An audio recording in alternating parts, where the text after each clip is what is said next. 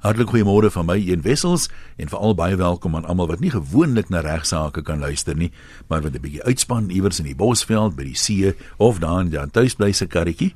Baie dankie dat julle na RSG luister. Tyd vir regsaake saam met Ignas Kleinsmid. Ja, goeiemôre Ian, goeiemôre luisteraars. Skop af vandag uh, met die vraag of hierdie gedurende lieg oor kwalifikasies of dit daar nou nie uitgeroei kan word nie. Ons is also facevoors in Suid-Afrika om te hoor van mense wat aangestel is of was in hoë posisies wat platant gelieg het oor die kwalifikasies wat hulle verwerf het.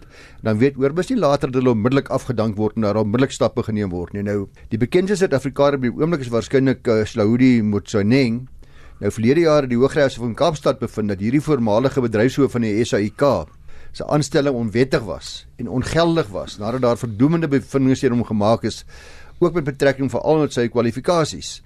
Ook die voormalige voorsitter van die SAIK Raad, Ellen Sabalala, ook sy het gelieg oor haar kwalifikasies tydens die aansoekproses. Uh die wat gereeld koerante lees en media dop is, hulle het onthou. Wat ek nie verstaan van hierdie ding nie, meneer Motsoeneng onder andere. Nou word daar agterna gesê met die man het 20 jaar ondervinding en jy kan in 20 jaar baie leer. Ja. Jy het nie kwalifikasies nodig nie. Nou dit is so 20 jaar se ondervinding is nie te versmaai nie. Maar juist dan hoef jy mos nie te lieg oor jou kwalifikasies nie. Dan kan jy mos sê ek het nou nie 'n graad nie, maar ek het 20 jaar se praktiese ondervinding wat my 'n geskikte kandidaat maak. Dit gaan reeds oor die integriteit vir die aansoeker, die, die eerlikheid, die eerbaarheid van die aansoeker. Ek onthou ook dat die bekende dokter Paulo Jordan inderdaad nooit 'n doktorsgraad verwerf het nie. Want mense praat nou nog van van dokter Paulo Jordan. Maar in elk geval die goeie nuus is luisteraars, kom ons begin met goeie nuus vandag dat daar nou deur die staat 'n konsepbeleid die lig gesien het. En is dit duidelik dat die doel van hierdie wet is om wanvoorstellings van hierdie aard hok te slaan en om leiding te gee om hom daadwerklik en vinnig en effektief op te tree uh, teen sulke mense. Nou die konsepbeleid maak onder andere voorsiening vir sekere registers en dan lede van die publiek kan ook bydraes maak. Dis hoekom ek dit vanoggend vir u sê rakende die konsepbeleid en sulke bydraes kan gestuur word aan die Suid-Afrikaanse kwalifikasie owerhede. Hulle is SAQA, dis hulle afkorting SAQ of SAQA vir aandag van Irene Naidu en 'n e-posadres waar u kan inligting stuur of inligting vra as u wil bydraes maak is nnaidu, daai Naidu is N A I D O O @saga sa.co.za. Wat co.za so en naidu uh, by sagwa.co.za. En uh, die van u wat daaroor sterk voel kan gerus hier bydraes maak en dit sal hooplik in die konsepbeleid dan ook uh, oorweeg word. Gebeur dit soms in die privaat sektor dat jy te doen kry moet waar iemand aansoek doen sê maar vir 'n bestuurspos en die advertensie sê jy het 'n 3 jaar graad nodig of 5 jaar ondervinding dat mense jok daaroor en en die gevolge moet dra want ek weet van een geval waar 'n ou wel 'n wanvoorstelling gepleeg het maar dit was nie eers wesenlik nie. Hy het 'n bietjie aangedik maar hy het nog nie blaatant gelieg nie oor sekere ondervinding wat hy gehad het. En hy se muur afgedank toe dit aan die lig kom al was hy reeds in die in die pos gewees.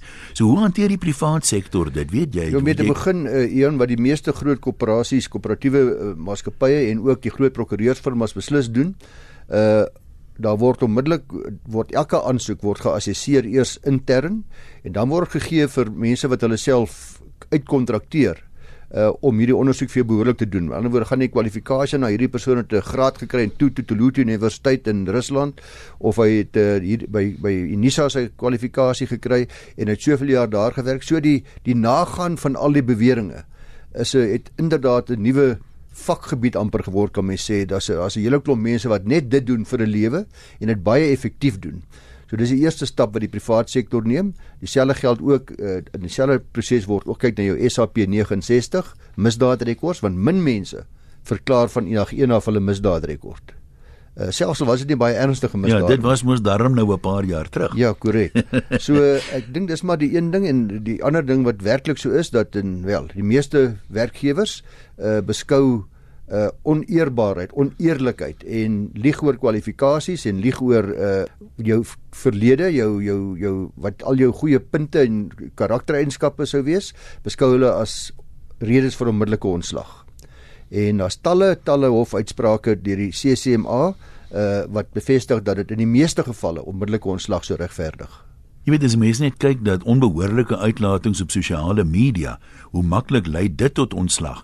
En dit voel vir my iemand wat van die begin af gelieg het oor iets kardinaals So sy geskiktheid vir die pos deur middel van kwalifikasies of ondervinding moet al baie ernstiger wees. So ek dink mense moet Correct, moet ja. besef weet ook lyk of jy daarmee wegkom maar Wat ja. sê nou spreekwoord, dan loop die leentaal ook hoe snel die waarheid agterhaal hom wel. Maar goeie nuus is dat ek dink uh, as jy na die konsepwet kyk en ek ek gaan dit met u bespreek sodra hy nou werklik die lig sien die die nuwe konsep beleid, dan is dit duidelik dat daar nou verpligtinge gaan wees op werkgewers om ook daadwerklike stappe te neem wanneer uh, hierdie leuns aan die lig kom. Sodat mense vir jaar of 3 of 4 nog steeds aanblyende poste wil jy inderdaad oneerbaar hmm. die pos gekry het nie.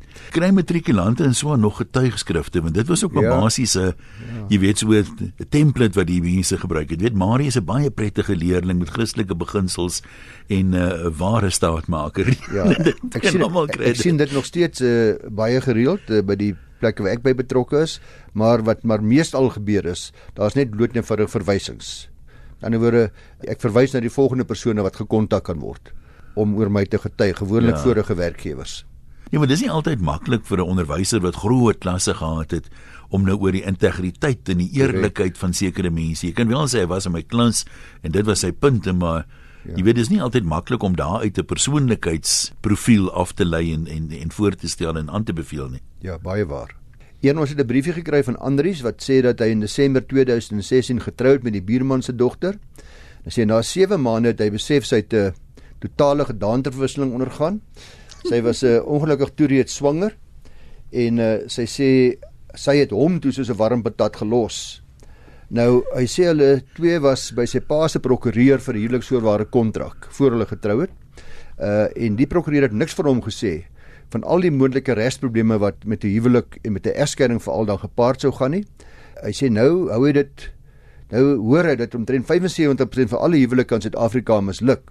Hy wil weet of prokureurs dan nie ook 'n plig het, alle prokureurs om al die gevare van huwelik huwelik ook uit te wys. Nou dis die, die antwoord daarop is baie maklik uh, Andries en dit is dat daar sekerlik nie 'n regsblik op prokureurs om om gevare uit te wys nie, jou ouers en die samelewing. Ja, dis nie altyd egskeiding is nie 'n regsprobleem nie, dis 'n maatskaplike probleem. Ja ja. Hierdie lewe behoort jy as jy volwasse genoeg is om te trou alreeds 'n goeie aanduiding te hê van al die slaggate wat met huwelike gepaard gaan. Jy gaan lees wat het Paulus gesê. Ja, en is steeds snaaks genoeg steeds elke jong mens se droom uh om te trou snaaks genoeg nie te staan na al hierdie negatiewe dinge wat ons van hoor is ook insiggewend dat trou of huweliksluiting luisteraars uh absoluut universeel is. Mense trou oor die hele wêreld in die snaakste plekke. Of dit Tutu Tulutu is of mm. Chicha Chong is uh, waar ek nogal hulle trou en die gewildheid is soms verstom, verstommend soos wat uh ook uit hierdie briefie van Andrius blyk as 'n mens dink hoe groot persentasie huwelike inderdaad nie werk nie. Uh, die die 75% klink vir my bietjie hoog. Ek het dit nou as rondom 50%. Ek gaan nou nou daaraan bietjie aandag gee wat die statistieke statistieke is. Dis nog meer verstommend as mens kyk na die pyn van 'n egskeiding wat kinders deur wat kinders baie keer saam deur beleef en saam deurgaan. Uh en die antwoord lê natuurlik op op heel ander gebiede hoekom mense dan daarna weer gaan trou. Dit is altyd redelik verbasend na iemand 'n baie slegte egskeiding gehad het dat hulle weer trou. Dis baie keer die vleeslike of die psigologiese, die behoefte van die mense om 'n maat te hê, daai soort van ding. Kyk, as 'n mens nou uh sinies wil wees daaroor maar ook prakties dan moet jy seker sê hoe swakker jou eerste huwelik was hoe beter is die kans dat die tweede een gaan beter wees. Ja, jy's nou. maar daar is ook 'n positiewe kant en ek het ook uh, daar's talle baie gelukkige tweede huwelike. Want die mense het geleer uit hulle foute uit. Hulle weet nie weer dieselfde foute te herhaal nie. Uh en nog iets wat ek sukkel om te verstaan is die tendens wat wat daar is om om al die lelike en die onaangename en die griesame van huwelike geheim te hou. Uh, niemand weet daarvan nie. Nou onthou ek is pro huwelik, maar uit 'n regsoogpunt is dit belangrik dat voornemende huweliksgenote oop oë met kennis van al die dinge wat in huwelike kan verkeerd loop uh deeglike kennis daarvan behoort die huwelik te betree. Maar daar's baie interessante statistieke wat jy oor gevra het, Ian. Interessant dat uh ons het 'n baie hoë eskeringssyfer in Suid-Afrika in verhouding met die res van die wêreld. Die nuutste syfers van Statistiek Suid-Afrika sê dat tussen 45 en 50% van alle huweliksbootjies in Suid-Afrika op die rotse loop. Dis my moeilik wanneer ek paartjies sien met die oog op huweliksvoorwaarde kontrak om hierdie stralende mense ja. met die sterre in hulle oë en die liefde in die lyf om hulle mee te deel dat ons ongelukkig moet gesels oor die moontlikheid van 'n egskeiding want dit is belangrik dat prokureurs moet dit baie duidelik in hulle uitspel. Hierdie konsultasie wat ons nou gaan voer oor hoe jy gaan trou is met die oog daarop dat jy dalk gaan in 'n egskeiding betrokke wees want meer as wat ongeveer 50% van alle mense in Suid-Afrika loop daardie paadjie. Uh is tragies, maar dis waar en die mees verstommende fenomeen is dat die huwelik uh, soos ek sê steeds dan baie gewild bly. Dit byk verder in mediaan ouderdom van mense in Suid-Afrika wat skei is 44 vir mans. Dis wat Statistiek Suid-Afrika sê en 40 vir vroue. En die grootste persentasie van alle huwelike het verbrokkel, naamlik 27,6% uh van die egskeiding plaas slegs 5 tot 9 jaar na die huwelik. So die tussen 5 en 9 jaar is die meeste die grootste persentasie.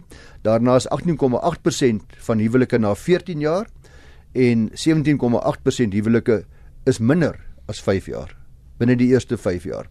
Nou die maklike egskeidings vir ons almal is natuurlik waar 'n paartjie na 'n paar maande of 'n jaar of wat kom aanmeld dat dit nie goed werk nie. Daar's nog geen kinders in huwelik gebore nie. Daai is vir 'n prokureur redelik maklik om te hanteer. Ja, vir hulle ook want jy kan in 'n sin nog oor begin. Jy sien of jy nou 20 jaar van jou beste jare belê het in iemand wat nou nie ja. rente betaal nie. En dan kry jy hierdie ongelooflike moeilike egskeidings en ag uh, elke keer as daar sulke mense in mense kantoor en stap dan weet jy hier is soveel probleme maatskaplik, sosiaal en andersins is waar daar 2 of 3 meer kinders in, in huwelik is almal nog kwesbaar laerskool hoërskool daai soort van ding.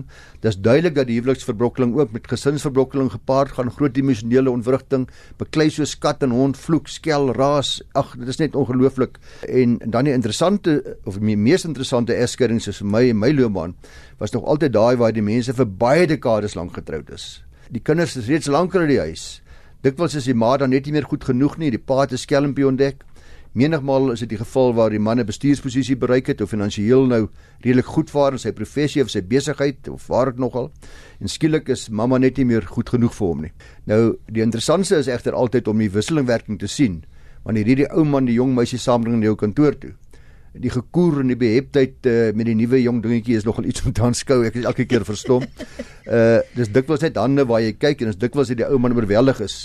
Hierdie vleeslike en die boelyf nou opgehou werk het en onderlyf mm. doen nou al die ding werk. Maar snaaks genoeg uh, Ian, deesdae gebeur dit natuurlik ook al hoe meer dat uh, die vrou die een is wat die nuwe liefde ontdek.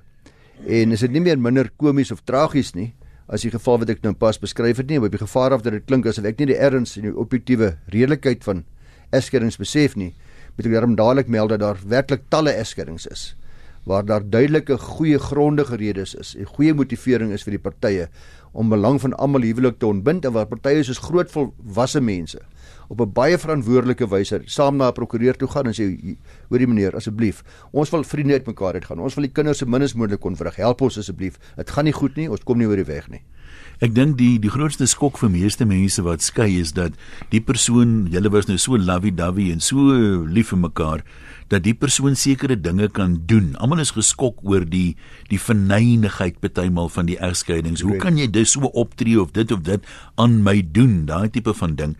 En ek meen as mens kyk hoe mense optree, dis dikwels die persoon dit nou gepraat het, want sy naam Andrius in sy brief ja.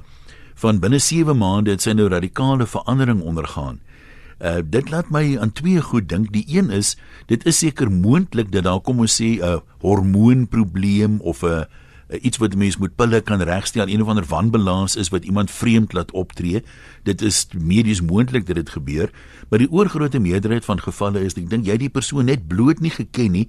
Daai absolute rosige verliefdheidstadium is nog daar en jy mense mag jou waarskyn sê jong, hierdie girl het 'n verlede jy weet versigtig. Nee, dit dit is agter haar. Jy weet sy is nou, sy het nou net oë vir my. Baie keer is die mens ja. bietjie meer realisties kyk. En ek meen dit is nou maar so, niemand is perfek nie. Ons het almal foute. Jou jy moet jou ook op 'n manier vra, kan jy met die foute saamleef? Dit help nie jy ontken dit en dan jy weet meld hierdie foute aan binne 'n paar jaar se huwelikslewe tot so 'n mate dat jy kan nou niks daarmee doen nie. Jy kon dalk vroeër aanpassings gemaak het, maar dan is dit te laat. Ja, 100% nou nou is ek skoon neerslagtig man ek ek sit nou en dink nee wat ek dink ek gaan my vrou nog 'n rukkie hou. Jy het my nou afgesit. Luister raas daar was oor die afgelope paar maande in Suid-Afrika twee gevalle gerapporteer in ons howe waar 'n verwagtende moeder na bewering vermoor is. Die een geval onthou ek goed naamlik die beweerde moord deur Jaco Oosthuizen op uh, Nicola Pinaar dit het ook behels die moontlikheid van moord op haar ongebore baba. Nou as ek reg onthou was dit iewers in die Parel gewees en ek het 'n paar skrywers ontvang van mense wat nou wil weet of 'n fetus vermoor kan word en ook 'n skrywer van 'n kollega ontvang wat vir my sekere antwoorde gegee het op hierdie vraag. Die kollega sê daar was hulle in die verlede pogings om soortgelyke aanklagte te bewys, maar volgens hom was die howe nog nooit bereid om op die definisie van moord uit te brei om ook die doodmaak van 'n ongebore kind in te sluit nie. Nou ek het gaan kyk en ek stem met hom hartig saam. Dis duidelik dat daar 'n baie moeilike bewyslas is. Indien die staat wil slaag met 'n aanklag van moord, dis nie onmoontlik te loops. Maar dis 'n baie moeilike bewyslas as hulle wil slaag met 'n aanklag van moord op 'n ongebore baba, want enige moord moet eers aantoon dat dit plaasvind op 'n mens. En tweedens dat die beskuldigde die opset gehad het om daardie mens of dan in hierdie geval die ongebore baba dood te maak. En dit beteken natuurlik dit voorveronderstel dat hy geweet het van die baba en dat hy geweet het dat die baba al 'n mens was. Nou dit laat die mense onmiddellik wonder wanneer wanneer is 'n persoon nou eintlik 'n mens? Nou uh Dr. Llewellyn Kerloos wat al 'n paar maal op hierdie program was saam met ons wat al 'n paar maal gas was, het ek hieroor gevra en hy sê dat ons kan eers sê dis 'n mens is wanneer 'n baba onafhanklik van 'n ma kan asemhaal en kan lewe dan is hy of sy 'n mens. As hy of sy onafhanklik van die moeder kan asemhaal of kan lewe, want lewe bepaal die persoon. Nou dis dis belangrik dis om te vra watter stadium die swangerskap was, hoe ver die fetus se longe ontwikkel was en of dit dan al 'n mens was of daardie fetus onafhanklik sou kon asemhaal as hy op daardie stadium buite die so sien maar 'n vroeggebore baba. Korrek ja. ja. Dokter Kerloos sê ook die vraag is dus enige beskuldigde sou kon voorsien dat die fees dat die fetus as 'n lewende wese gebore sou kon word op daardie stadium van die aanranding, die moord, die poging tot moord. 'n Ongebore baba in die SA strafreg het dus eers regte as 'n baba as hy 'n mens is, soos aangetoon is dit 'n baie baie moeilike bewyslas. En ek moet sê ek het gaan mooi navorsing doen en ook van die mense rondom ons kantoor gevra om my te help en ek kon nie een saak kry wat daar suksesvolle vervolging in hierdie verband in ons land was nie. As een van ons luisteraars dalk weet van 'n suksesvolle vervolging wat dalk nie gerapporteer is nie, sal ek baie graag daarvan wil weet. Maar dis die huidige regsposisie soos ek dit verstaan. Dit klink teoreties baie moontlik soos jy sê. Ek dink my byvoorbeeld 'n geval in kom ons sê van pa wat nie onderhoud wil betaal nie en nou wil hy die die ma doodmaak saam met die kind wat die die rede vir die onderhoud gaan wees. Ek bedoel daar's ander handings al gewees met die doel dat die vrou moet aborteer juis sodat daar nou nie hierdie jarelange verpligtinge is nie. Ja, en as as as die regsgeleerdes reg is as hy op daardie stadium van die aanranding as hy baba op daardie oomblik gebore sou word en selfs hmm. onafhanklik sou kon lewe van die ma, dan weer ver genoeg ontwikkel het, longe veral, uh, asemkanaal, dan sou dit moord wees. Ian, ek weet jy en ek weet nou al ons kry soveel jare vir hierdie programme 'n paar skrywers elke jaar van ontevrede motoriste wat kla oor die slaggate in ons paaie. En dan vra hulle of hulle is dit in die owerhede. Ek het nou al 'n paar keer so eenmal per jaar net weer bevestig dat hulle prokureur moet gaan sien as daar skade veroorsaak is in jou voertuig as gevolg van 'n slaggat. Ek het pas weer gesien dat 'n dame van Benoni geslaag het met 'n eis van 450 000 rand teen die stadsraad nadat haar motor gerol het toe sy in 2012 'n slaggat in 'n teerpad getref het. Nou haar eis was teen die provinsie se lid van die uitvoerende raad vir openbare werke, dis baie en vervoer, is ingestel in die Hooggeregshof van Pretoria en haar eis het geslaag soos ek sê 450 000 rand plus kostes. In haar geval het sy die Pieter Tief pad gery daar naby Dirkiesdorp. Sy het een slaggat probeer vermy toe sy 'n volgende een tref en afgesien nou van die aansienlike skade aan haar voertuig, het sy ook haar nek, haar rug en haar skouer beseer. In hierdie proses en daar was 'n regsmediese verslag wat dit bevestig het. Sy het 1,4 miljoen rand geëis, maar uiteindelik net amper 'n half miljoen gekry. Nou die beginsel is duidelik luisteraars dat indien 'n stadsraad of 'n provinsiale owerheid bewus is van 'n gevaarlike situasie wat skade kan veroorsaak vir 'n inwoner of 'n gebruiker van 'n sekere diens, dan sal dit nalatig wees indien hulle nie binne 'n redelike tyd voorsorg tref om daardie potensiële skade te voorkom nie. Dis die algemene beginsel. Ons weet daar's ons weet of behoort te weet van 'n potensieel gevaarlike posisie.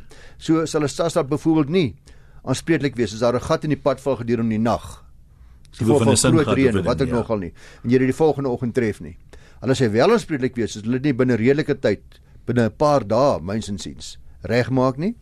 Uh behoorlik herstel nie of indien hulle nie behoorlike voorsorg tref met behoorlike waarskuwingsborde totdat dit behoorlik herstel is nie. As hulle dit dan nou nie binne die volgende dag of twee kan herstel. Ekskuus ek val jy nou in die rede. Ek ry nou nogal redelik baie.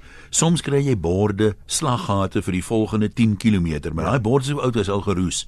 Ja, dit is Kan jy so 'n algemene waarskuwing vir 'n klomp slaggate in die volgende klomp kilometer is dit voldoende? Ek dink dit is voldoende as die waarskuwingsborde leesbaar is, as dit behoorlik uh, opgestel is dat dit dat dit vir die motoris wat daar ry, want dan moet jy weet, hier is nou 'n klomp slaggate, slaggate vir die volgende 5 km. Ja. Maar as jy nou die 6de of die 7de kilometer weerslag gehad kry, dan is die waarskuwingsbord nie meer van toepassing nie. Maar jy weet wat baie keer gebeur met die goed. Nou weet jy dit, jy ry stadiger. Nou, soms kan jy slaggate vermy, maar soms is hulle so op 'n hoop.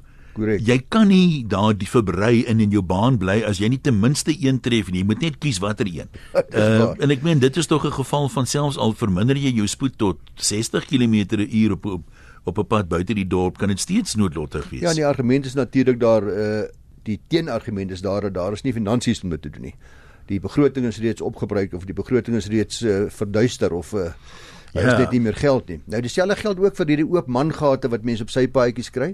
Hangende lewendige elektriese drade wat mense kry, is hoor gereeld dat die dag weer as 'n kind doodgeskok. Nou in talle sake elke jaar in Suid-Afrika luisteraars, die regtig in baie sake word munisipaliteite as ook provinsiale owerhede deur ons howe beveel om groot bedrae skadevergoeding te betaal. Dit is 'n gereelde voorkoms in ons howe. Onlangs het die media ook berig dat die Mopani distriksmunisipaliteit aanspreeklik gehou was vir brandskade aan 'n private plantasie naby Senin. Nou in daardie geval het die Hogeregs van Pretoria bevind dat hierdie munisipaliteit aanspreeklik is en die eise is 'n direkte skikking bereik met die munisipaliteit van Senin. Die regter in daardie geval Dawie Fourie het beslis dat die munisipaliteit verplig is om behoorlike brandbestrydingsdienste te verskaf. Dis weer 'n ander ding nê, nee. my huis brand af of daar's 'n klein vuurtjie in my huis. As hulle binne 'n redelike tyd sou gekom het, sou my huis gered kon word. Dis wat jy verwag en hierdie saak baie interessant. Het Dawie vir die regte Dawie vir u gesê dat 'n munisipaliteit is verplig om 'n behoorlike brandbestrydingsdiens te verskaf. Dat dit net billik is om hulle te verwag om byvoorbeeld in hierdie geval van die helikopter gebruik te maak ook.